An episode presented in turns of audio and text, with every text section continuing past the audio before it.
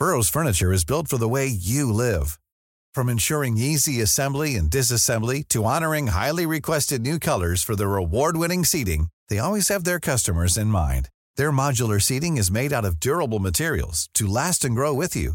And with Burrow, you always get fast, free shipping. Get up to 60% off during Burrow's Memorial Day sale at burrow.com slash ACAST. That's burrow.com slash ACAST. burrow.com slash ACAST.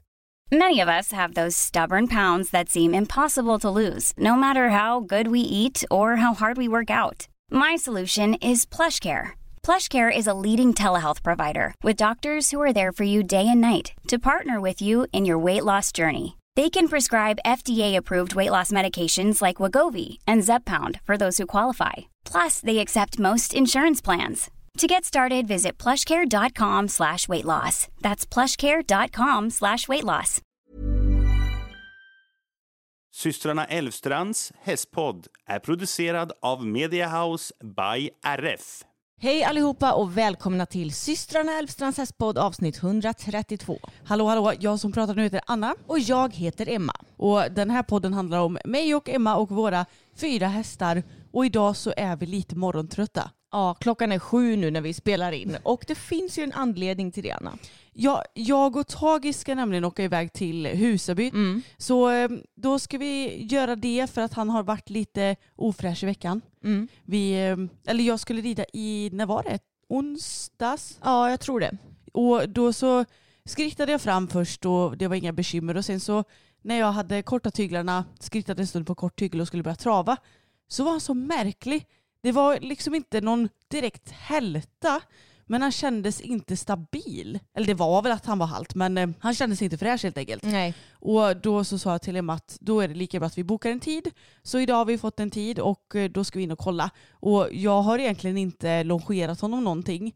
Eller sett hur han rört sig i trav i alla fall den senaste tiden. För att vi har varit iväg i- helgen. Men oavsett vad så känns det som att det är skönt att kolla upp honom för att det var ju länge sedan nu. Ja, precis det var det. Så vi hade ju tänkt göra det oavsett om han inte hade varit halt eller inte. Men eh, nu har vi ju verkligen en anledning att kolla upp honom så vi får hoppas att han är bättre snart igen, lilla Tage, för han har ju varit väldigt fin egentligen nu hela sommaren fram tills nu. Ja, och man blir alltid lite nojig så fort det är någonting med hästarna. Men det, det är också så lustigt för jag kommer att tänka på det idag nu när det här har hänt. Att när vi hade vår första häst Bosse så kommer jag ihåg första gången han blev halt. Eller han kanske bara blev halt den gången förresten. Ja, jag tror typ inte han var halt något mer förutom det. Nej, under, under de tre åren vi hade honom Ja, så blev han halt en gång. Och jag minns det som att jag trodde att världen skulle gå under. ja jag vet, jag med. Jag grät så mycket och jag var så orolig och nu minns jag inte ens vad det var för fel på honom. Alltså han var ju typ bra igen dagen efter så han kanske bara hade, jag vet inte, vrickat sig eller något sånt där. Ja, det var ju säkert något väldigt lätt men jag vet att jag var så ledsen och orolig och tänkte att nu kommer han behöva tas bort. Så här jättedramatiskt. Och nu klipp till många skador senare så fattar man att det är ingen idé att noja sig för mycket innan man vet vad det är i alla fall. Nej, verkligen. Och man har lärt sig mycket genom åren med alla de här jäkla skadorna som våra hästar har dratt på sig. Och ja, det är ju tyvärr så det är att ha häst. Man får lära sig med den bittra sanningen tänkte jag säga. Ja, men lite så faktiskt.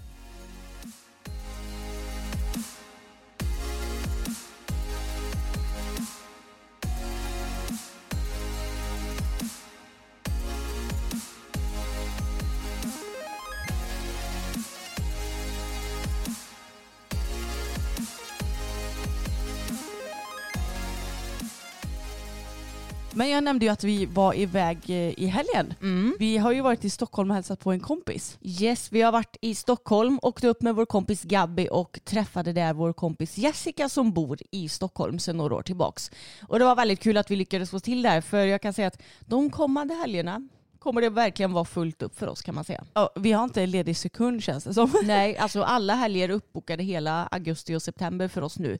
Så det var skönt att vi lyckades komma iväg, kunde göra något icke-hästigt för en gångs skull, för annars blir det ju mycket häst. Typ när vi har åkt iväg, eh, ja men egentligen de senaste små semestrarna jag haft har- har det varit Falsterbo, det är Ja. hästigt. Och sen var det ju i Stockholm när det var Global Champions Tour, det är också hästigt. Så det var kul att komma iväg och göra något helt annat. Jag håller verkligen med. Men det är också så kul när vi ska göra något helt annat. För det är så här, ja men vad gör vi om vi inte håller på med hästar? Jo men då shoppar ju vi typ. Ja. Och vi har ätit jätte, jättegod mat också. Ja. Men det är bara så kul för att det har vi ju nämnt ganska många gånger så här. Om inte vi hade hållit på med hästar, vad hade man gjort då? Mm. Nej men då hade vi ju tydligen shoppat då eller? Ja, tydligen. Om jag inte hade jobbat med det som jag gör nu så hade jag typ velat jobba på Kicks eller Sephora eller någon sån här beautybutik. Ja. För det är ju lite av min expertis skulle jag säga. Ja det hade varit kul. Ja, utöver hästar. Jag tycker att det är väldigt roligt.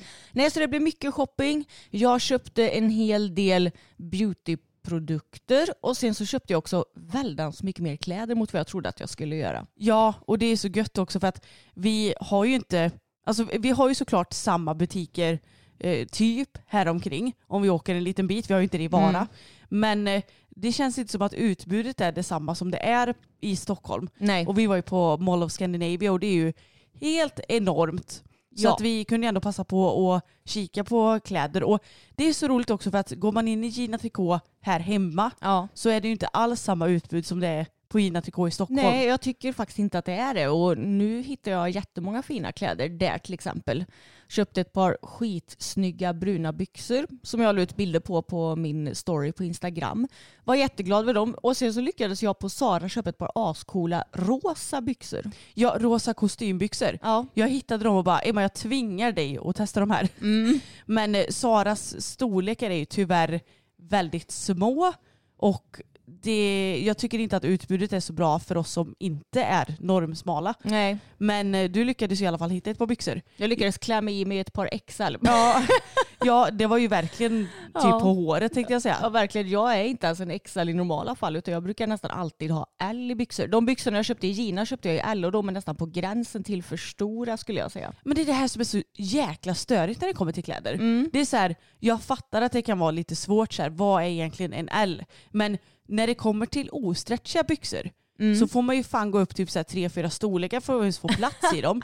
Och stretchiga kan man behöva gå ner någon storlek. Ja. Det hade varit så mycket enklare om L var L. Ja. Att det är en ostretchig L, ja men då får man ju göra den större då. ja exakt. Så att den passar som en stretchig L. Ja. Men eh, så är det ju inte. Och det Nej. är väldigt störigt. Och det är också därför som jag tycker det är så skönt att faktiskt handla IRL. ja. Istället för att klicka hem för då är det så här, jaha men vilken storlek ska jag ta på de här byxorna? Man har ju ingen aning. Nej, och vi brukar ju normalt sett vara ganska så lata så vi köper ju mycket online.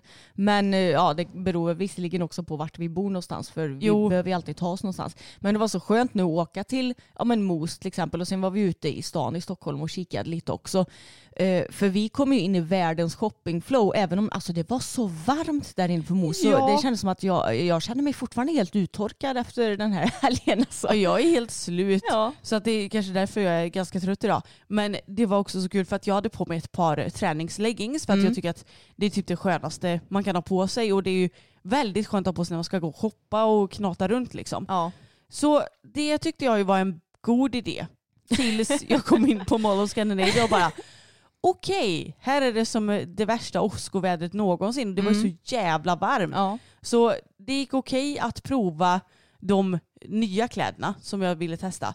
Men sen så när jag skulle ta på mig mina leggings igen, Mm. de kanade ju på mina ben. Mm. Så här, Mm. och så var det nästan svårt att få dem att sätta sig rätt och det brukar det ju inte vara Nej. när jag inte är asvarm. Mm. Men jag kan säga att det var inte bara, bara vi som var så himla varma, det var ju extremt varmt där inne. Ja, jag hade på mig en rosa topp, alltså en så här lite mörk Dusty Rose rosa topp. Och sen när jag har ja, men provat så här några gånger och så ska jag ta på mig den här toppen igen när jag är i ett omklädningsrum. Jag bara, men herregud den har ju för fan svettfläckar i ryggen. Alltså jag kan säga att jag brukar i princip aldrig få svettfläckar förutom på typ min sport-bh när jag tränar. Det ska krävas jäkligt mycket för att jag får svettfläckar. Så jag bara, men herregud kommer det här synas? Men det, jag tror inte det syntes så mycket liksom. Nej, när du hade ju hår i vägen. Ja, håret var i vägen. så, alltså, jag blev helt chockad att herregud, är jag så varm så att jag svettas igenom min tröja, då kan ni ju tänka er hur varmt det var. Och jag är inte en person som svettas överdrivet mycket egentligen heller. Nej men det var så konstigt och det var ju lite svalare när man var i utrymmet som inte var inne i butikerna. Mm. Alltså ja, ni förstår nog vad jag menar. Ja. Men jag fattar inte hur det kunde vara så jäkla varmt inne i butikerna. Ja, Jag tycker lite synd om de som jobbar i butikerna Ja. får jag säga. Verkligen.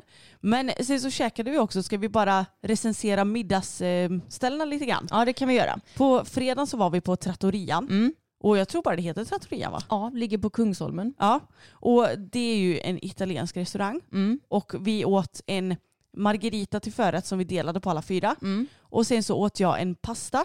Och du åt någon vegeta- eller vegansk var det va? Ja det var det. Någon spetskål med kikärtor och kikärtskräm och lite så här citrus. Alltså den var skitgod. Den var riktigt god. Och stor portion också. För jag tycker annars när man äter på, ja men när man får så här veganska eller vegetariska alternativ som ska vara lite så här fräschare, typ om det är kål och sådär. Som till exempel när vi var ute och åt i Falsterbo.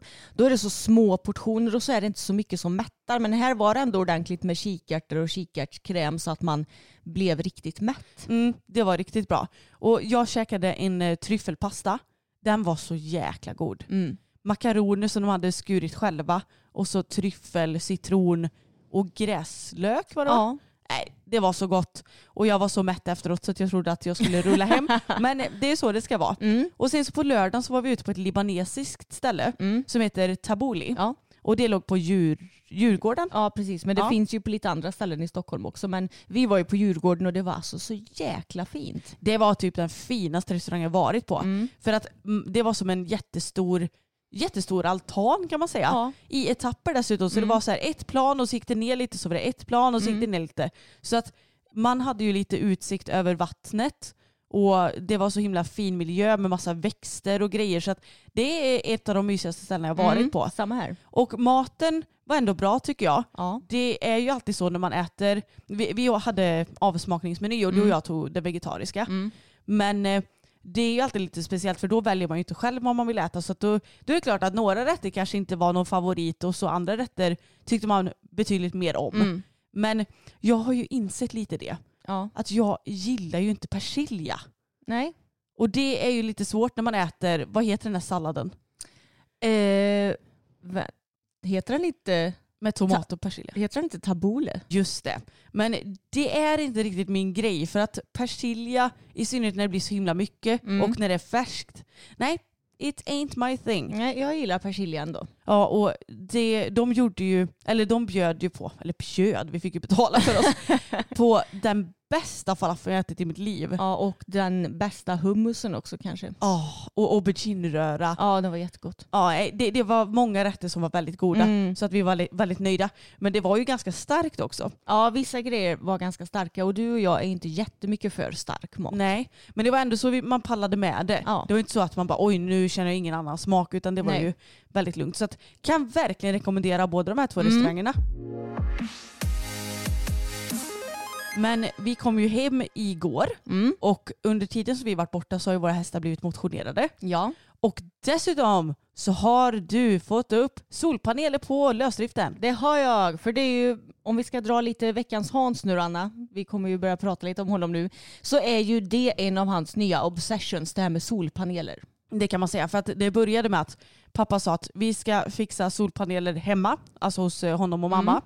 Och det tyckte väl jag var jättebra för jag menar elen är dyr, det är ju jättebra att ta tillvara på solens strålar och att Mm. det kan omvandlas till, energi. Ja. Hur nu det går till, det känns ju helt sjukt för mig som inte är insatt. Och ja, jag vet inte om jag vågar fråga pappa om det för då kommer jag ha en lektion på en timme. Men, men i alla fall, så han har ju satt upp det hemma. Mm. Och mamma har ju berättat att han är ju helt besatt. Mm. Så nu går han och kollar för att han har en mätare eh, hemma någonstans. Ja. Då går han och kollar där hur många så här, kilowattimmar som de har samlat in. Mm. Och så, tänker jag, eller så säger jag så här, ja nu kanske vi säljer el till grannarna här också. Ja. För det är ju så att du får ju el till dig själv, Mm. men det som blir över säljs ju. Så att jag sa det till mamma, det är ändå ganska häftigt att istället för att få en faktura att du ska betala si och så mycket så bara, här får du så här mycket pengar. Mm. Det är gött att man kan tjäna på det i slutändan. Liksom. Ja, det är också någonting som han kommer bli beroende av tror jag. Att få reda på hur mycket han kommer tjäna på det här också. Ja, säkert. Mm. Men nu var det alltså dags att få upp det här också hemma hos dig. Yes, det sitter på lösdriftstaket Mm. numera. Och pappa och ja, snubbarna som fixade med solpanelerna, de pappa fick ju först liksom flytta på hagstaketet. Och då tänkte jag bara, varför har han gjort det för? Men sen så bara, just det ja, vi ska få upp solpaneler där. Mm. Och så monterade de ju upp en sån byggställning och sen så ja, monterade de upp solpanelerna. Och hästarna tyckte ju tydligen att det var ganska så intressant. Hade tyckt att det var ganska så läskigt i början när helt plötsligt hagen ser totalt annorlunda ut. Ja och pappa bara Fokus var jättesnygg när han travade omkring här och blåste upp sig och jag bara ja det kan jag tänka mig att han var. Verkligen. Nej, så nu är solpanelerna uppe där också så då kommer pappa att tjäna ännu mer pengar. Vilket ju han är glad över. Det är klart att eh, nu har han väl gått lite back i början så att säga. Jo. Men det kommer ju komma tillbaks sen. Men det är alltid så med investeringar. Det Mm. svider lite först men sen så är det ju förhoppningsvis värt i slutändan. Ja precis. Men okej, ska vi dra lite veckans Hans då? För jag har ändå ett par stycken den här veckan. För förra veckan så, ja, det var egentligen då vi hade, men vi glömde nog lite bort att berätta det. Ja vi hade dem inte uppskrivna men nu har Nej. vi diskuterat fram de som vi hade tänkt att berätta. Precis. Och som vanligt när man rider med pappa, vilket vi gjorde förra veckan, då är det ju som så här att han är ju väldigt glad i att smita iväg från stallet när man är klar. För han har ju alltid något att göra. Som vi har sagt många gånger så är han ju världens mest upptagna person känns det som. Lite så. Ja, och då hade vi ridit en kväll, typ så här klockan sju. Och han skulle hem och äta efter det tillsammans med mamma. Och då när vi nästan är i princip helt klara, hästarna står och äter sin mat och eftersom vi rider tre hästar så är det väldigt smidigt om ja, men pappa kan vänta så han kan hjälpa till att släppa ut hästarna. Ja och att tillägga sig också att det är inte så att våra hästar får mängder med kraftfoder. Nej. De får ju bara lite mash som vi lägger i deras tillskott i som de ska få i sig. Ja. Så att de äter ju på kanske sådär, ja det är max fem minuter. Mm. Om ens det. Nej, om ens det. Och då säger pappa ungefär så här. Ah, jag tänkte ta och dra nu. Och vi bara, men snälla någon kan du inte vänta tills hästarna är klara och hjälpa till att släppa ut dem? Men jag ska få spaghetti och köttfärssås hemma och jag är så himla sugen på det. Alltså han lät som ett barn. Ja. Jag kände bara, men snälla någon, du kan väl fortfarande vänta. Det, det är inte så att om du väntar fem minuter att du inte får äta. Nej, Nej, då, då var han väldigt gnällig. mm, han kunde inte komma hem eh, snabbare så att säga. Och sen så har ju jag ridit ut med honom själv ett par gånger det senaste för att du har väl varit iväg och ja, du har ju dels varit iväg på lite semestrar och sådär. Ja just det, det har jag ju inte ens pratat om här i podden. Nej precis, men det är nog kanske därför som jag har ridit med honom och, eller så har du gjort något annat. Och tydligen så har han sagt till mamma är det va? Eller vem är det han har Eh, sagt det till? Det vet jag inte. Jo jag tror det för jag eller han, var det mig han sa det till? Herregud. Det, det är ju, ja, jag, jag vet inte men pappa har sagt i alla fall att det är mycket lugnare att rida ut med Emma, eller med bara Emma. För hon är inte så hetsig som Anna är. Oh. Nej, och det är ju inte så konstigt att du inte är så hetsig som han är för du blir ju nästan aldrig drabbad av hans Hans-grejer när vi rider ut. Jag menar, det, om det är konstellationer så här. Emma sitter på Bella och rider först. Jag sitter på Fokus och rider tvåa. Och pappa sitter på Tage och rider sist. Då håller ju pappa hela tiden på. Oj oj, Tage är så pigg. Jag vet inte om jag kommer orka hålla Tage. Och jag är sådär att till varje pris nästan, nej inte riktigt så, men du håller din plats Ja. I ledet för att det är en säkerhetsgrej när man rider ut. Jag menar, hade någon ridit förbi Tage så hade ju den personen på Tage trillat av. Ja. För Tage blir jätte, jätte, jättehetsig när det vankas galopp och man ska eh, rida många ihop. Ja. Och framförallt om, för han har ju lite fullblodsheder. Så jag menar, då hade han ju blivit triggad av det där. Och då är jag sådär att det är så jäkla onödigt om man nu ska rida förbi bara för att man inte orkar hålla och ursäkta men Tage är ingen svår häst att hålla. Han är ingen stark häst så att säga. Nej så det är inte så konstigt att jag blir hetsig när det är likadant varje gång vi rider ut. Jag vet men det känns som att det här också har gått i perioder för det känns som att jag och pappa vi är faktiskt ovanligt bra vänner just nu i stallet och när vi rider men jag vet att jag har haft perioder där jag har haft jäkliga problem med honom också men just nu, ja, just nu är det mest du och pappa som har era små konflikter ibland. Ja och de är ju inte särskilt långvariga ska ju tilläggas. så det är ju ganska skönt ändå. Men ja, ibland så blir jag så trött på att han ska trigga samma grej varje gång. Ja och du... Och han vet ju om det också. Jag vet och det ska tilläggas att du har ju dessutom betydligt kortare stubin än vad jag har också. Ja och den har ju blivit mycket mycket bättre med åren men nu när jag mått dåligt den senaste tiden så har den gått ner till extremt kort igen. Och det är ju sånt som han inte riktigt kan eh, respektera ibland. så att då får han faktiskt skylla sig lite själv. Jag tycker ändå det är kul att han har sagt det. Ja, jo det är jättekul. Mm, han eh, föredrar nog att vara ensam med mig just nu tror jag. Ja, men sen så kommer han nog ångra sig när det blir tvärtom om ett tag. Ja, exakt. När, När vi byter. ja, när vi byter stubinlängd och när han kanske kommer vara lite jobbig mot mig. Men jag tror också att han har ju varit så himla, liksom, haft så mycket åsikter hela våren om hur du har tagit hand om Fokus Ja, ben vet. också. Så det sitter nog kvar lite i det också. Jo, och sen så varje gång som vi har ridit på kvällen Ja. så säger jag, ja men ta på Tage flughuvan då och så Mm. kan vi släppa ut dem. Ja men måste de verkligen ha flughuva? Det är ju kväll. Mm. Och jag bara ja, men det är ju fortfarande flugor Mm. i, i minst ett antal timmar till. Ja. Och sen så är det inte säkert att vi kan springa ut klockan fem på morgonen och sätta på dem igen så det är lika bra de har dem. Mm. Ja men det är så tråkigt att de ska behöva ha dem hela tiden. Ja det är det ju. Mm. Men samtidigt så tror jag nog att de är ganska tacksamma över att de inte behöver stå och flaxa med huvudet. Mm. Så att det har vi också haft diskussioner om säkert tio gånger.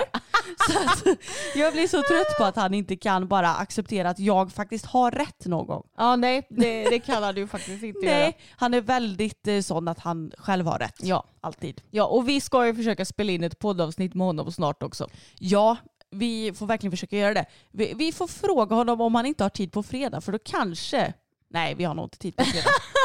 Men någon gång i alla fall. För han är ju i Ja. alla fall ledig fredag, lördag, söndag. Just det. Från sitt vanliga jobb. Ja precis. Ja, Mm. vi får försöka ta någon dag för nu har han ju sagt att han ska vara med. Även om han, jag tror att han ångrar sig ganska så mycket. Men Ja. det, det kommer bli ett avsnitt oavsett om han vill det eller inte. Ja, och gud, jag ser inte fram emot att klippa det avsnittet för det kommer bli svårt. Ja. Han kommer säkert prata väldigt tyst och hålla på och flaxa så, så att ljudet kommer bli konstigt. Ja, vi får typ sätta fast honom i micken eller något. Okej Anna, men om vi ska sammanfatta våra hästars förra vecka då.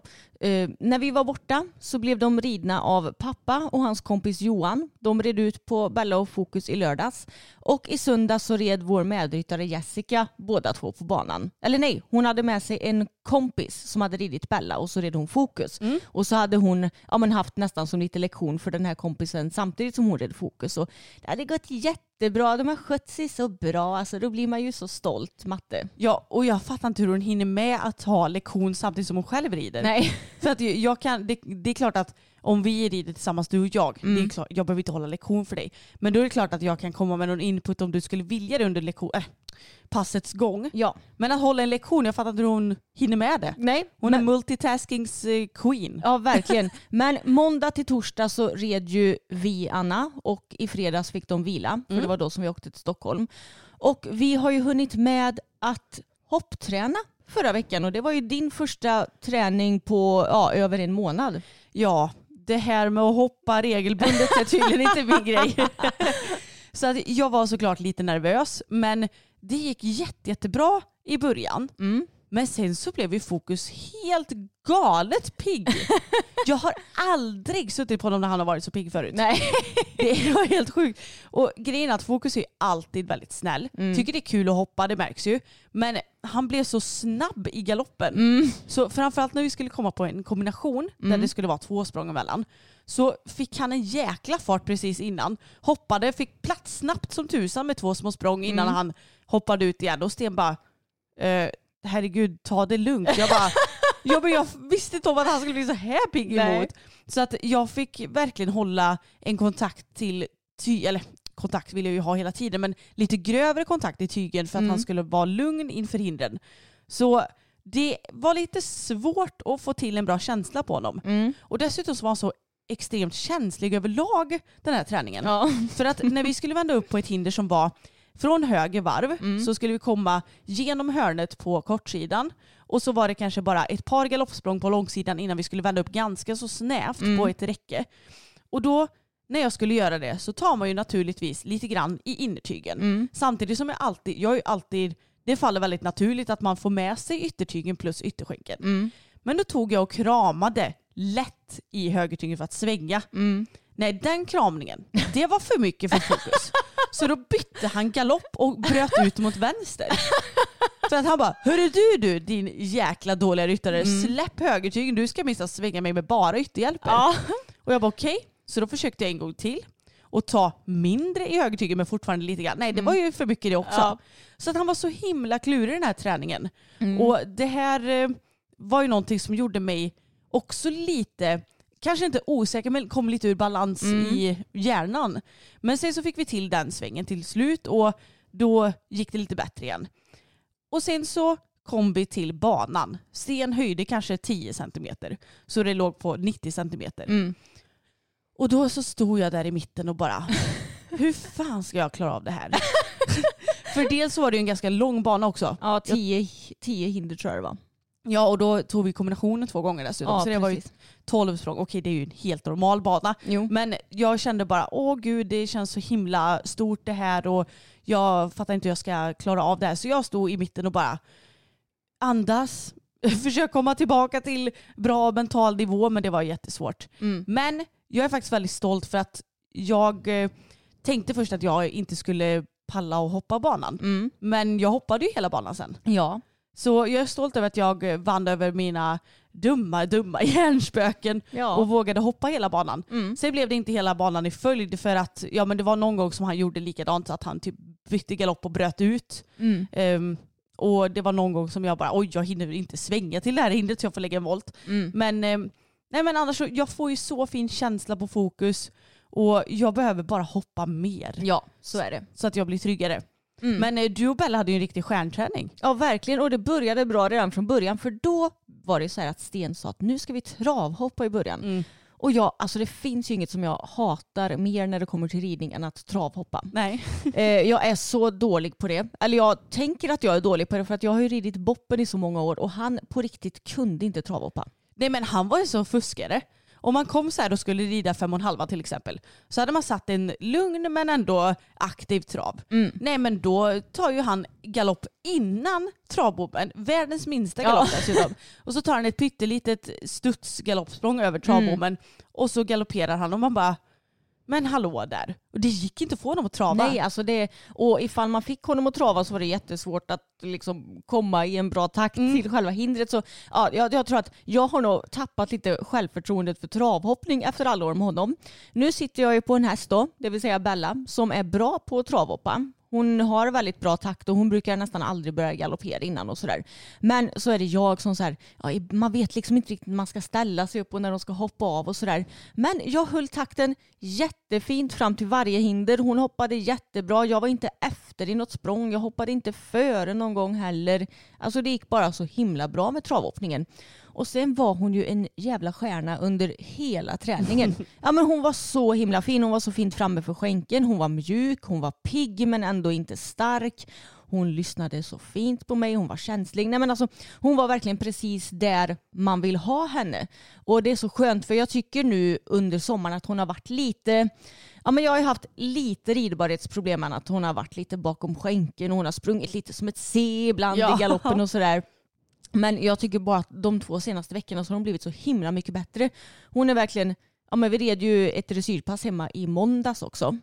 Och hon var som smör i kroppen, alltså så jäkla mjuk och fin. Och, ja, men det, det är som att man har knäppt med fingrarna så känns det som att de här problemen nästan har försvunnit. Ja, och jag tyckte det var samma för att jag joggade ju henne lite i paddocken på torsdagen sen, Mm. dagen efter eh, hoppträningen.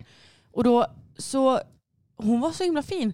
Jag behövde typ bara sitta på ganska långa tyglar och hon bara jobbade lång låg form, upp med ryggen, Mm. mjuk och fin. Nej, jag har inget att klaga på. Hon är jättefin just nu. Ja det är hon, det är så himla roligt. Och på tal om att du joggar henne så har jag börjat bli lite mer seriös med att rida med ekiband nu också.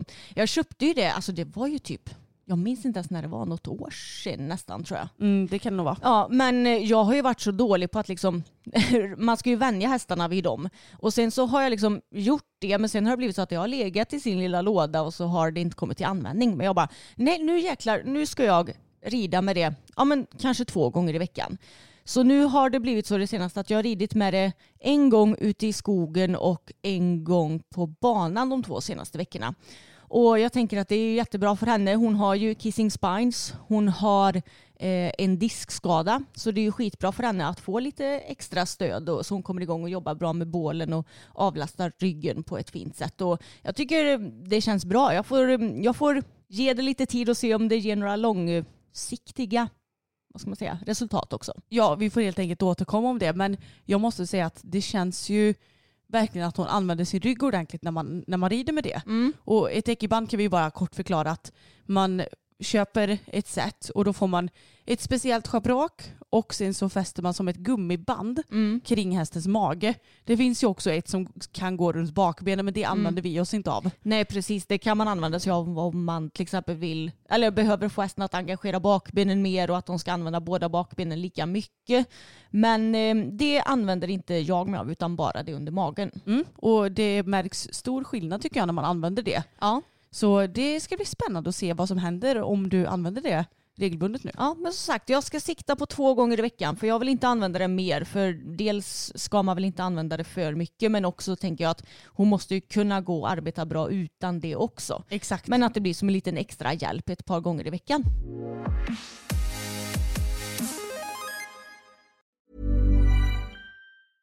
Hey, I'm Ryan Reynolds. At Mint Mobile, we like to do the opposite of what Big Wireless does. They charge you a lot, we charge you a little. So naturally, when they announced they'd be raising their prices due to inflation, we decided to deflate our prices due to not hating you. That's right. We're cutting the price of Mint Unlimited from $30 a month to just $15 a month. Give it a try at mintmobile.com slash switch. $45 upfront for three months plus taxes and fees. Promo for new customers for limited time. Unlimited more than 40 gigabytes per month. Slows. Full terms at mintmobile.com. Burrow's furniture is built for the way you live. From ensuring easy assembly and disassembly to honoring highly requested new colors for their award-winning seating, they always have their customers in mind. Their modular seating is made out of durable materials to last and grow with you. And with Burrow, you always get fast, free shipping. Get up to 60% off during Burrow's Memorial Day sale at burrow.com slash ACAST. That's burrow.com slash ACAST. burrow.com slash ACAST. Jag vet inte varför det alltid är så men det känns som att allt brukar komma på en och samma gång. Och jag har haft lite stubelbekymmer den senaste tiden. Ja. Mina dressyrstövlar gick sönder i dragkedjan för ett par veckor sedan. Och jag har inte orkat ta tag i att lämna in dem. Framförallt så har jag inte orkat ta tag i att rengöra dem inför att lämna in dem. Det är ju det som är det jobbiga steget. Att faktiskt åka och lämna in dem är inte så himla jobbigt. Och de gick ju sönder i dragkedjan så att jag fick ju liksom kravla mig ur dem. Jag fick försöka att massakera dragkedjan men så ville jag inte dra för mycket i stövlarna om de skulle gå sönder i själva lädret. Det är ju väldigt onödigt. Men de tog jag tag i, eller de är fixade nu. Men sen så har jag ju haft bekymmer med mina, jag har ju ett par dressyrstövlar. Sen har jag två par hoppstövlar av någon anledning. Vilket är helt onödigt med tanke på att jag tävlar väldigt lite hoppning. Jag tänkte säga, jag vet knappt ens, jag visste knappt ens om att jag hade två par hoppstövlar. Jo men jag har ju mina Mountain Horse med de här krokodil eh, lack eh, tjofräset här uppe. Sådana som du har. Ja. Sådana har jag ju som tävlingsstövlar. Ja. Och de har jag köpt för ganska länge sedan. Jag tänkte säga, när använder du dem? Ja, aldrig förutom Nej. när jag tävlar. Ja. Och jag insåg det nu också för att mina vardagsstövlar som jag köpt begagnat, Ja. det är ett par som jag älskar, Richmond High Rider tror jag de heter. Mm. De har ju börjat krångla i dragkedjan också. Inte att Ja. jag inte får upp dragkedjan eller att den fastnar eller någonting utan snarare tvärtom att den glider ner när jag rider. Yes. Och nu har jag ju fått rida i dem hela tiden för att mina dressyrstövlar varit inlämnade. Och jag kan säga det, det är sjukt störigt att försöka rida en mellantrav när stöveln sitter, ja alltså inte på typ överhuvudtaget för att den har glidit ner. Så nu har de fått åka in hos skomakaren istället. Mm. Men mina tävlingsstövlar, jag insåg det för att det var en dag som jag skulle rida både Tage och Fokus, det var ett par veckor sedan nu. Som jag bara, ja men jag tar dem för att jag orkar inte hålla på och krångla med den här jävla dragkedjan som glider ner. och så skulle jag göra lite stallarbete och sådär. Och då hade jag på mig mina foppatofflor så då var jag tvungen att ta på mig stövlarna och ha dem hela tiden. Men då insåg jag att de där stövlarna är ju för små för mig. Jaså? Inte i vaderna, Nej. utan där sitter de väldigt bra. Ja. Men i fötterna. Jaha. De är, jag, tror jag, jag har nog storlek 39 som jag brukar ha i skor. Ja. Men eftersom de är så avsmalnade i tån Mm. så får jag knappt på mig dem. Nej. Har Mm. du det bekymret? För du har ju likadana fast du har det i storlek 40 och Ja. de är bruna. Nej, faktiskt inte. Nej, jag fattar inte varför det är... Alltså de var så små så att jag hade så ont i fötterna i typ flera dagar efteråt. så nu är jag sådär, jag kanske borde sälja dem. Även fast jag tycker att de är väldigt fina men det är ju ingen idé att ha för små stövlar. Nej, det är sant. Men nu måste jag ha kvar dem för att nu är de de enda hoppstövlarna jag har hemma. Ja, och jag har ju lämnat in mina vardagsstövlar också. För Mm. den, där gick ju knappen sönder på dem. Mm. Ja, dessa stövlar. Ja, vi har lite stövelbekymmer just nu. Ja, det har vi. Så jag hoppas innerligt att mina, ja det är ju tävlings slash träningsstövlar, Mm. att de inte ska gå sönder nu för då blir det ganska så jobbigt kan jag säga. För jag ska ju dessutom tävla nu i helgen. Mm. Eh, Så jag hoppas att de kommer hålla nu när jag bara har ett par stövlar hemma. Ja men det får vi väl verkligen Ja. tro annars så får vi åka och panikköpa ett par stövlar någonstans. Och Anna vi fick ett DM där en person skickade ja, men en länk till en ny sorts stövel som jag tyckte lät väldigt intressant. Och den här stöveln heter Teknik Boot. Den är ju ganska så dyr ska tilläggas. Men det här är ju då en stövel som den, den finns liksom bara i skostorlekar och sen ska själva skaftet passa alla oavsett vadstorlek. Är det sant? Yes. Och jag tänker att jag kan, det är beskrivet på engelska, så jag tänker att jag kan läsa upp lite vad det står. Och jag tänker att vi kan ju dela en bild på den här stubben på Instagram också. Mm. The Technique boot offers the comfort of a pair of sneakers while guaranteeing excellent foot and leg support.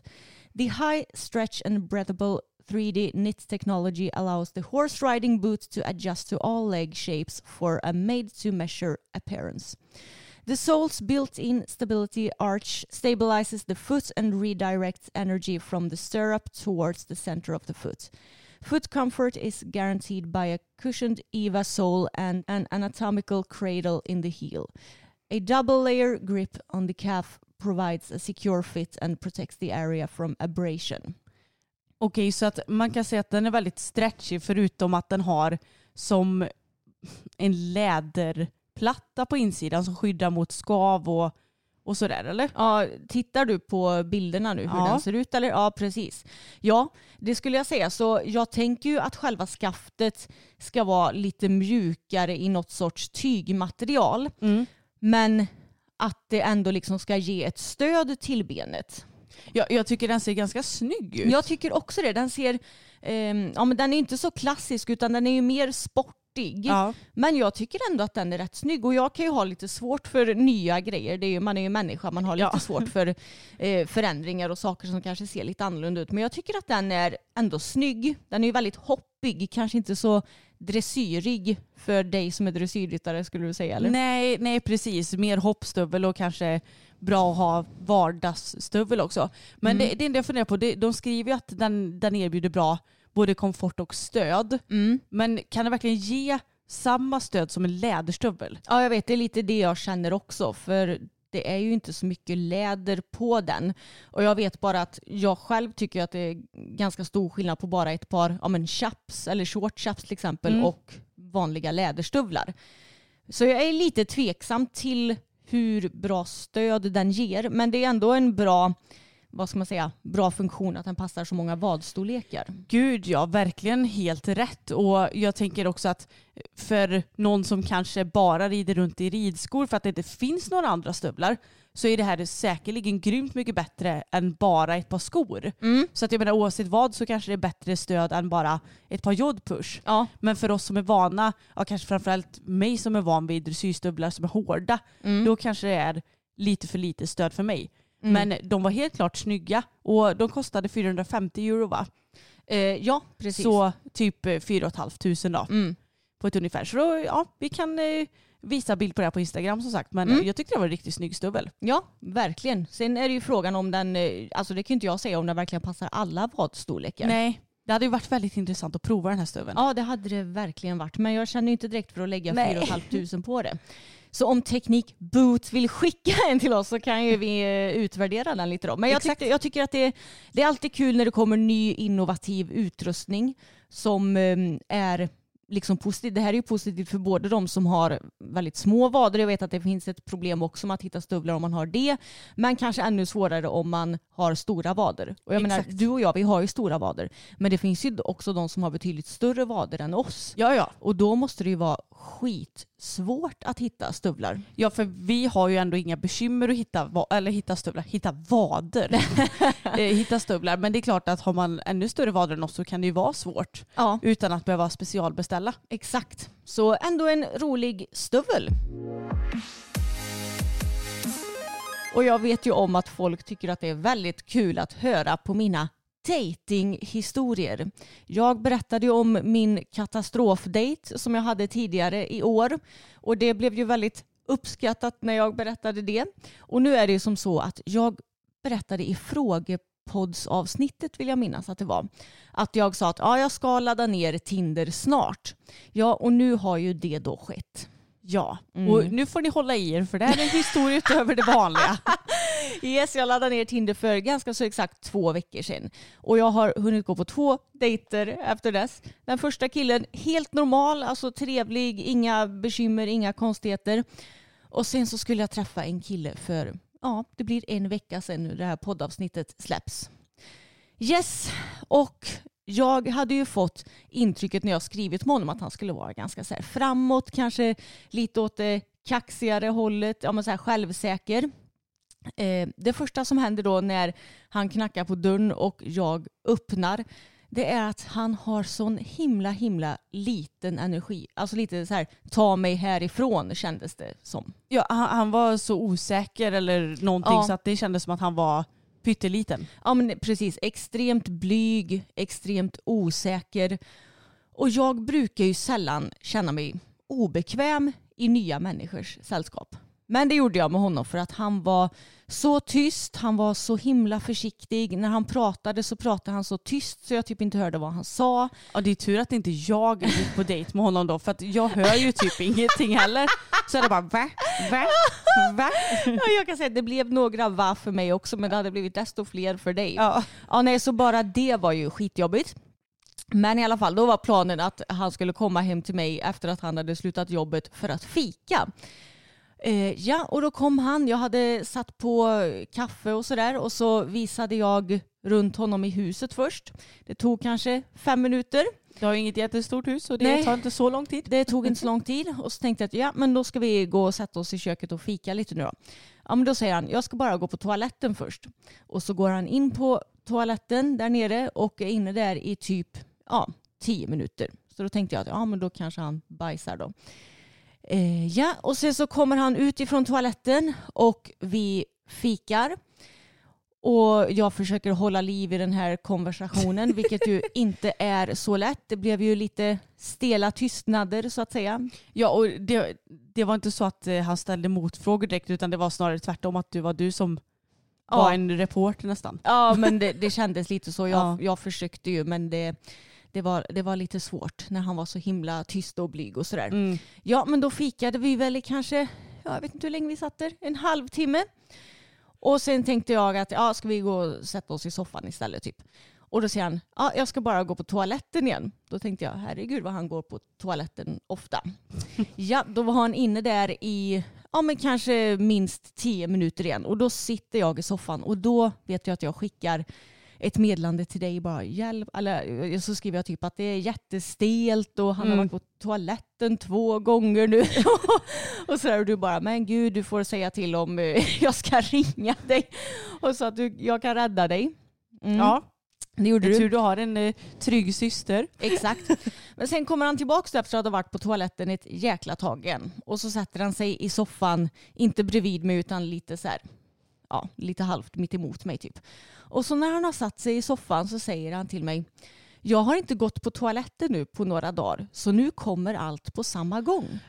Alltså seriöst.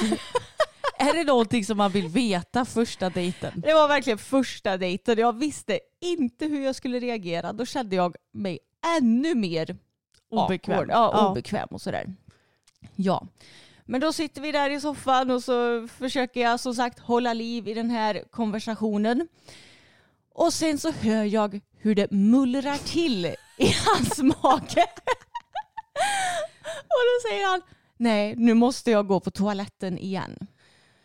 Mm. Ah, det här är så knäppt. Ja, så då har han alltså gått och bajsat tre gånger hos mig på första dejten inom loppet av ja, max ett par timmar. Det, det var helt sjukt verkligen. Och sen så kommer han då tillbaka igen och jag bara, nej men alltså jag måste få bort honom härifrån på något vis för jag kan liksom inte fortsätta umgås med honom. Och då säger jag, hittade jag på en liten nödlögn då att jag är bjuden på middag hos dig och Samuel klockan sju. Så då var det så här, nu har vi ett klockslag där jag eh, måste åka härifrån. Typ. Ja. Så det var ju, jag, jag tyckte ändå att jag löste situationen på ett bra sätt för vi hade ju bara sagt att vi skulle ses och fika vilket Ja. ju var praktiskt då i det här läget. Eh, och sen så säger han också typ så här, kan du inte sätta dig bredvid mig istället? Och då fick jag lite panik för jag kände att jag har nog aldrig känt mig mindre attraherad av någon person någonsin. Så Mm. jag fick lite panik bara av liksom tanken av att sitta bredvid honom. Och jag bara, nej, jag sitter, eh, jag sitter bra här där jag sitter typ. Ja, nej men alltså jag tycker så synd om honom på ett sätt. Men jag känner också att om du har magbekymmer Mm. då, då kanske man inte går på dejt just den dagen. Nej, då kanske man får ställa in den. Det är klart att vem som helst kan få bekymmer med sin eh, mage. Det får ju en annan ibland också. Ja. Men om jag skulle märka att ja, nu ska jag gå på dejt och magen har helt och hållet ballat ur. Då får man väl bara säga att ah, eh, sorry men jag, det verkar som att jag har blivit matförgiftad eller något sånt där kan vi säga. För jag tror inte att någon vill gå på dejt med en person som kommer kanske sitta på toaletten eh, halva dejten. Nej, och jag tänker lite också det kanske var därför han var så himla tystlåten. Han kanske satt och hade asont i magen mellan varven så han orkade knappt prata. Kanske. Ja. Äh, herregud. Och sen när, eh, när han hade åkt då, då, då gick ju jag liksom ut och så låtsades jag att jag skulle åka också samtidigt som honom. Mm. Men sen gick jag in i huset igen då. Då var det så här, ah, nu måste jag gå in på toaletten och liksom se hur det ser ut här. För jag vet ju också hur killar kan vara. Man har ju jobbat på jobb där killar har varit och det är liksom bajs överallt på Ja, toaletterna. fy fan vad äckligt det kan så vara. då var jag så här, jag var lite rädd när jag gick in på toaletten. Men han hade ju åtminstone städat efter sig. Ja, det var ju tur det. Ja, det, Mm. det som är extra konstigt var att jag hörde liksom inte att det lät typ någonting ifrån toaletten. Nej, tack och lov, det hade väl varit ännu jobbigare eller? Ja, alltså jag hörde ju att han tog toalettpapper och sådär men man hörde ju inga liksom, toalettljud Ljud. Så att säga. Ja. Nej, alltså det, det här är ju, jag vet inte riktigt vilken dejt som var värst av den här och den, eh, Den förra du har pratat ja, om. Med, med svettmannen. Mm. Nej, det, det är de två, det är helt klart topp två värsta dejterna. Det kanske är delad plats. Ja, en liten delad första plats måste det nästan bli. Mm. Nej, jag tror nästan att den här var värre. Ja. För eh, den, jag kände ju att den behövde avslutas ändå snabbare än den förra. Ja, det är sant. Eh, Så den här är nog faktiskt topp ett värsta dejten som jag har varit på. Hittills. Exakt hittills. Det Ja, roliga är att jag ska ju på en ny dejt idag när vi spelar in det här poddavsnittet. Så när det här har släppt så har jag då redan varit på den här dejten. Alltså jag är så traumatiserad av förra veckans dejt att jag är liksom inte ens sugen på att dejta något mer egentligen för att jag har så himla låga förväntningar. Vilket kanske är bra för då Ja. kan det ju faktiskt bara bli bättre. Ja, men jag kan tänka mig att det är svårt att känna att man är sugen på att ses igen för att det är ju svårt att känna att ni klickade på något litet plan den här Mm. gången. Ja, nej gud stackars eh, människa. Jag hoppas att han får ordning på magen och kan träffa någon annan i framtiden. Ja men det är så kul för jag tänker också att om man ska på dejt då kanske man liksom inte struntar i att gå på toaletten under så här några dagar innan. Nej, och jag känner rent spontant att om det nu är så att han inte har gått på toaletten på några dagar då borde han kanske kolla upp antingen sin mage eller sin kosthållning eller någonting för Ja. det är inte normalt. Nej fy fan, det där var, det var riktigt jobbigt. Jag har faktiskt blivit lite smått traumatiserad efter det här. Det var skitjobbigt. Men det är som när man trillar av, det är bara upp på hästen igen. Mm, precis, och man får ju se det positivt. Jag har ju en rolig historia att berätta. Alltså när jag berättade det här för mamma, hon höll på att skratta ihjäl sig Ja, nästan. det, det förstår man. ja, gud, nej, gud, jag, jag, jag har haft sån ångest typ över det här. Mm. Eller inte ångest, men jag har typ mått dåligt. Både å hans och dina vägnar. jag vet. Ja, herregud. Och nu blir det ännu lite mer VM-snack, även om det är avslutat sedan ett par veckor tillbaks.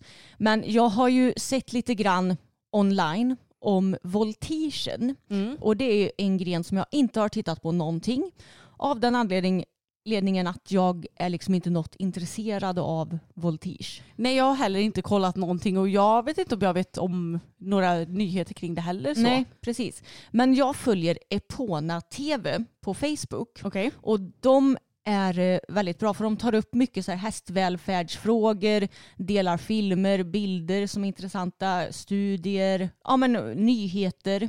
Är det det hela deras Facebook-sida går ut på? Ja det skulle jag säga. Ja. Så de har ju tagit upp en del ja, men om VM nu. Och då har de tagit upp lite grejer om voltigen. Och dels så har jag ju sett filmer på där hästarna har sett ganska så obekväma ut och kanske har börjat så här bocka och ja, alltså försökt komma undan lite grann.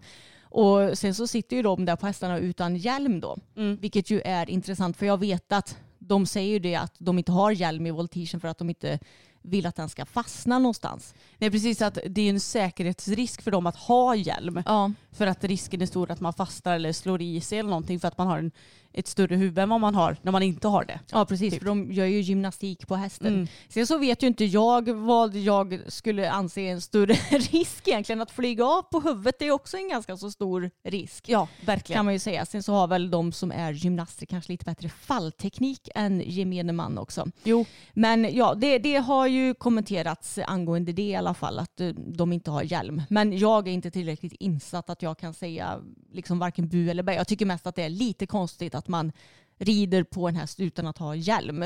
ja, och de är ju också ganska stora alltid de här voltigehästarna. De är ju typ bob-size. Mm. Och det är klart att oavsett om så här, ja men jag har bra fallteknik för att jag är gymnast. Jo, men det kan ju också hända att hästen sparkar till medan du gör någon jäkla Mm. volt eller vad som helst och helt plötsligt inte finns under dig. Mm. Då ska du på 0,001 sekund förstå att, den inte kommer att, att du inte kommer landa på den och landa Ja. på något annat sätt. Ja, precis. Så att ja, jag hade ju inte Ja, jag hade för det första inte vågat göra voltige överhuvudtaget. men jag hade för det andra inte vågat utan hjälm. Nej, precis. Men det som har blivit den största snackisen då i voltige-VM, det är att Schweiz lag, de tog ett brons i Mm. voltigen. Vilka var det? Har du koll på pallplatserna? Absolut inte. Nej, okej. Men det här vet jag. Och eh, de lyckades då göra det med en häst som väldigt tydligt haltar.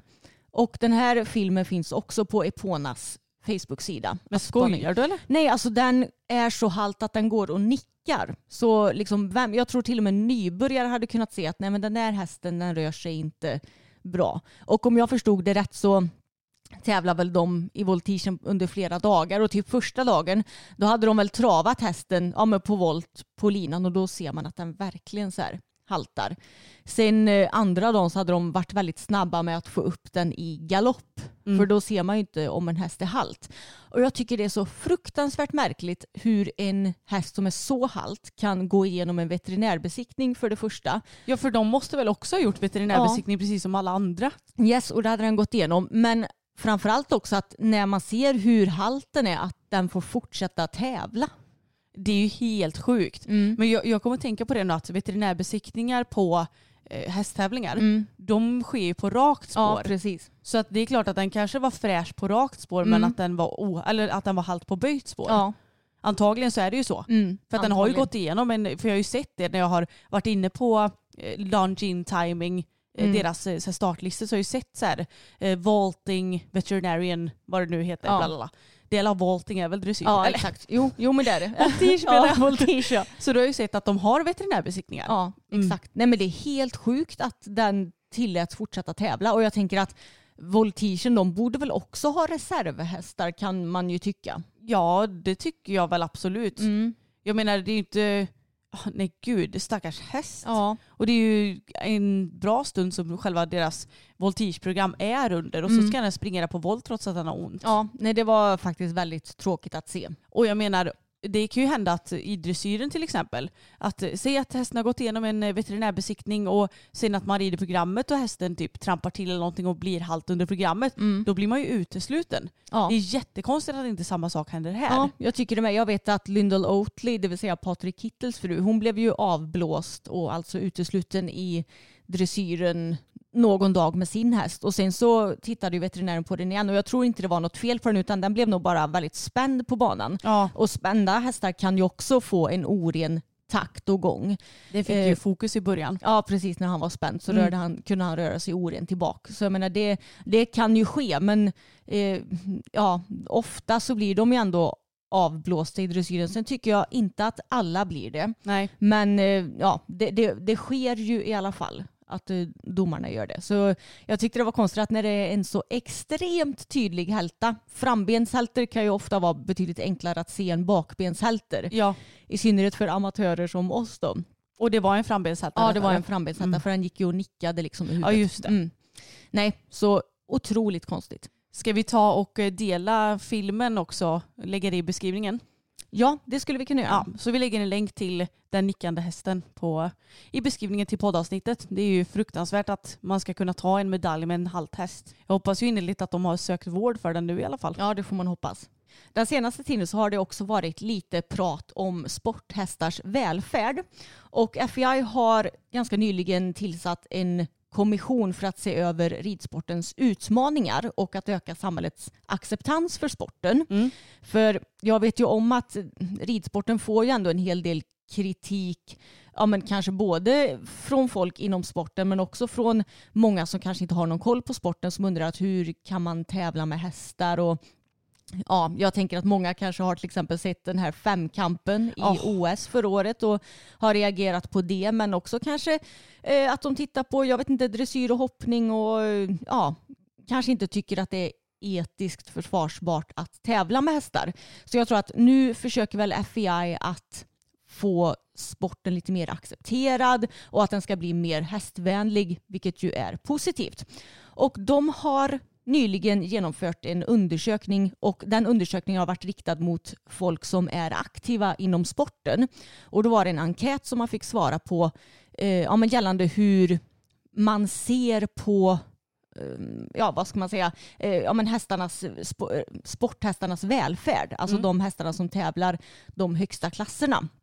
Och jag deltog i den här undersökningen. Jaså? Ja, har du gjort det? Nej, jag visste inte ens om att det fanns. Nej, jag eh, upptäckte det alldeles för sent också, typ så här dagen innan undersökningen skulle stängas.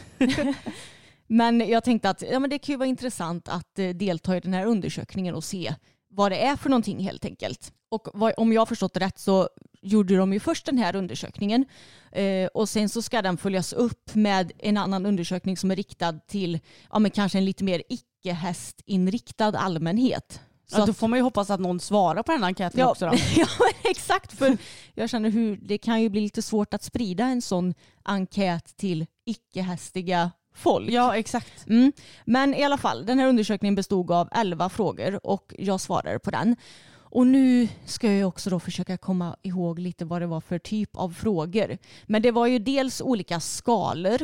Eh, lite så här hur orolig man är för sporthästarnas välfärd och eh, ja, men hur bra man tror att de har det till exempel. Och om man fick ändra på någonting, vad skulle det vara? Mm. Eh, och lite sådär. Och det tycker jag var bra för då kan ju vi som ändå är lite insatta inom sporten Ja, men vi fick skriva vad man tycker att man kan ändra på och vilka våra... Jag, jag vill minnas att en fråga var vilka three main concerns. Ja, alltså... Ja, vilka tre huvudsakliga bekymmer ser Ja. du liksom? Ja, precis. Och vad man kan ändra på Mm. sådär. Så jag hoppas ju att många har ja, men fyllt i den här undersökningen. Kommer du ihåg vad du svarade som du tyckte var tre, de tre största bekymren? Bekymren. Ja, mitt bekymmer var ju först och främst att man skulle svara på engelska. Jag är ju så himla dålig på hästiga begrepp. Jag bara, hästhållning, vad heter det på engelska? Det finns kanske inte ens ett ord för det. Kan man inte bara säga horse welfare typ? Ja, men jag- jag vet att en, eh, ett main bekymmer Ja. som jag tog upp det var att eh, ja, men sporthästar att de mm, ja, vad ska man säga, ska få ha en ja, e- egentligen en bra hästhållning då, en naturlig hästhållning där de skulle få utlopp för sina naturliga drifter. Mm. Ungefär det skrev jag. Och jag tänker då på att många sporthästar eh, Vissa får inte komma ut i hagen överhuvudtaget och om de gör det så går de kanske i små grusrutor helt ensamma till exempel. Ja, i någon timme. Ja, men exakt. Mm. Eh, vad var det mer? Ehm, Skrev du någonting om formbedömningen? Eh, ja, precis. Mm. Det var också en. Att, eh, ja, exakt. Men det som vi har pratat om i podden tidigare, Ja. helt enkelt att vissa saker premieras. Eh, ja, men till exempel gapande munnar, att det känns som att det inte påverkar bedömningen någonting.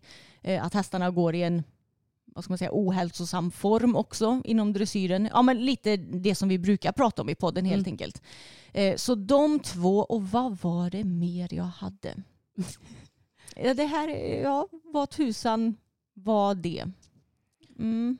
Jag minns inte riktigt. Nej. Men man kunde ju också, ja, men till exempel eh, att man tycker att eh, hästarna inte ska behöva gå med kandar och sporrar till exempel. hade Ja. man kunnat skicka in där. Det minns jag inte om det var det jag gjorde eller om det var något annat. Nej, jag, jag kan tycka, ja, nu, nu har ju inte jag skrivit in i den här enkäten för jag visste ju som sagt inte om att det fanns ens en gång. Mm. Men någonting som jag ser som ett bekymmer bland hopphästar det är också att du får ha vilken jävla bettkombination som helst. ja. Mycket som man ser just nu det är att folk bara, ah, men jag rider på ett kombinationsbett. Och det innebär ju att man har både bettlöst plus bett kan man ju säga. Ja.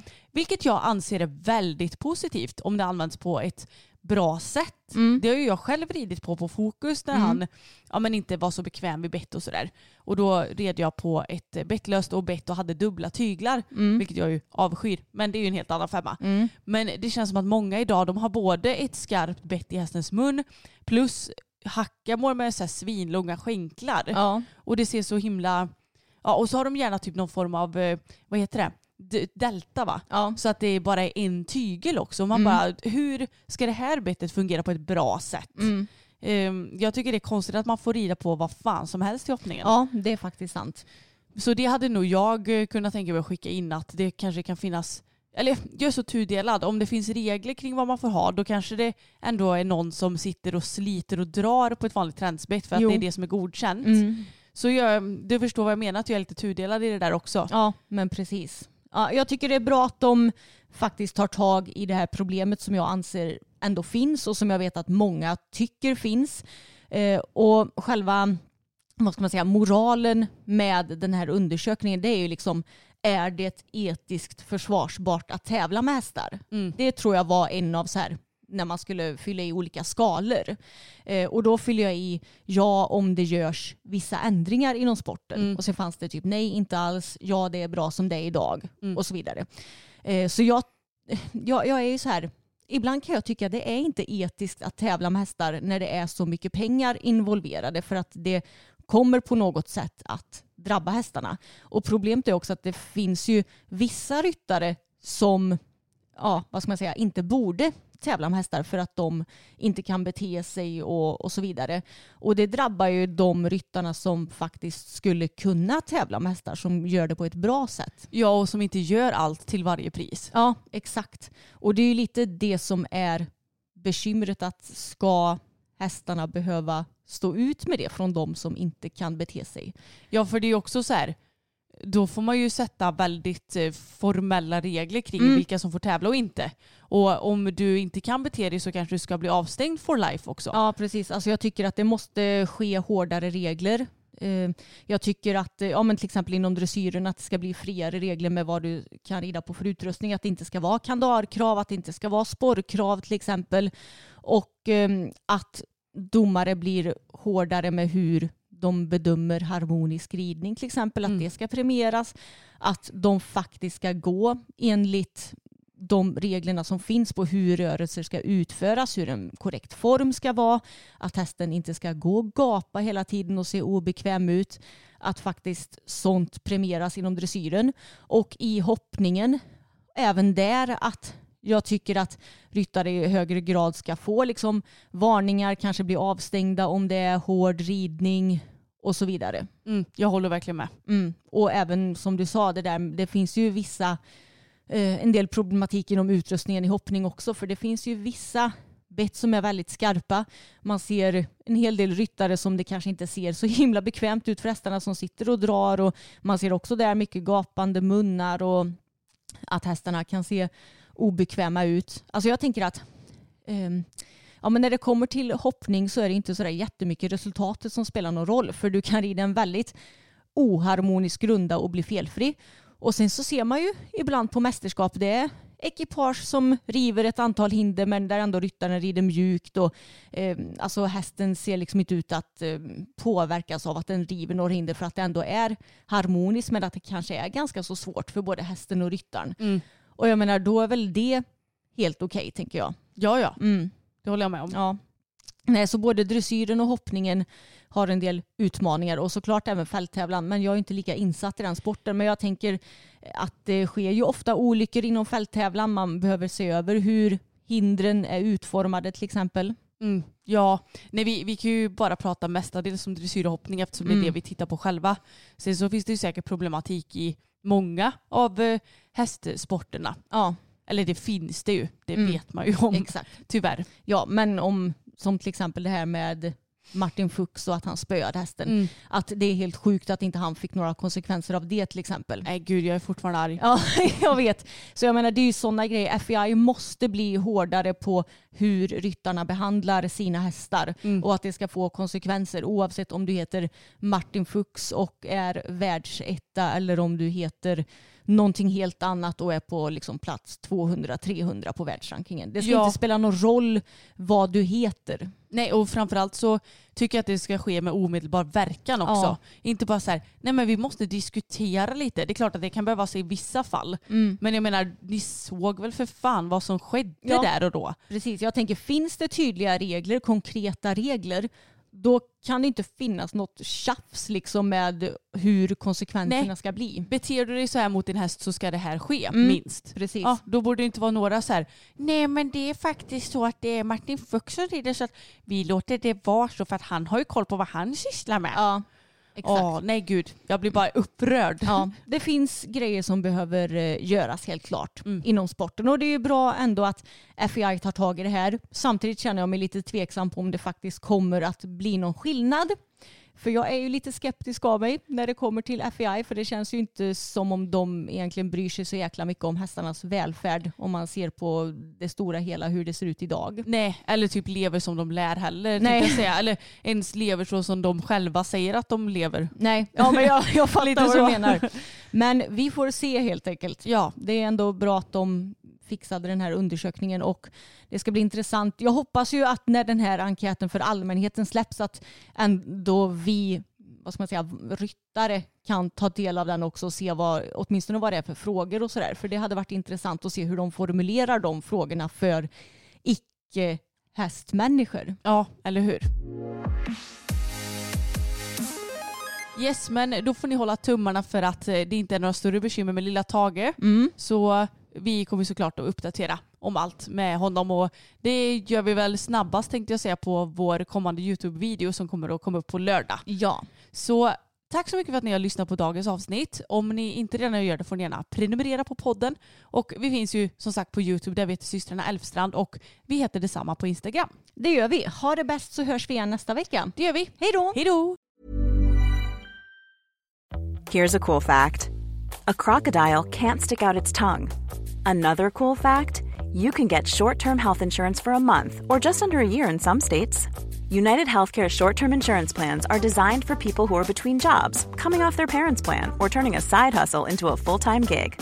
Underwritten by Golden Rule Insurance Company, they offer flexible, budget friendly coverage with access to a nationwide network of doctors and hospitals. Get more cool facts about United Healthcare short term plans at uh1.com. Mom deserves the best, and there's no better place to shop for Mother's Day than Whole Foods Market. They're your destination for unbeatable savings, from premium gifts to show-stopping flowers and irresistible desserts. Start by saving 33% with Prime on all body care and candles. Then get a 15-stem bunch of tulips for just $9.99 each with Prime. Round out Mom's menu with festive rosé, irresistible berry chantilly cake, and more special treats. Come celebrate Mother's Day at Whole Foods Market.